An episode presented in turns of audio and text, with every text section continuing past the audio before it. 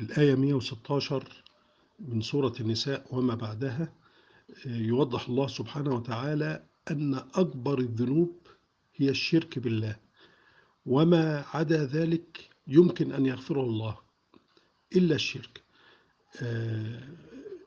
وهؤلاء المشركون يدعون أوثانا ويدعون الشيطان ويتبعون طريقة هذا الشيطان الذي تمرد على الله ولعنه الله وتحدى وقال أنه سيتخذ من عباد الله جزء يجعلهم ينغمسون في الشرك والخطيئة.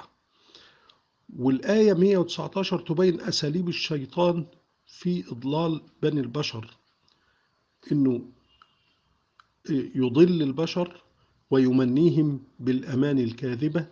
ويأمره ويأمرهم بأن يعبدون الله بما لم يفترضوا كأن يقطعون آذان الأنعام تقربا إلى الله وهذا لم يأمر الله به فلا يبتكن آذان الأنعام. هذه طريقة للقرابين لم يأمر بها الله.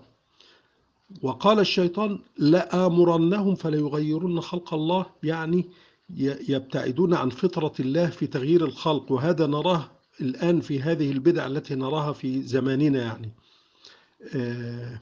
ومن يتخذ الشيطان وليا من دون الله فقد خسر خسرانا مبينا فالشيطان يعدهم ويمنيهم وما يعدهم الشيطان إلا غرورا.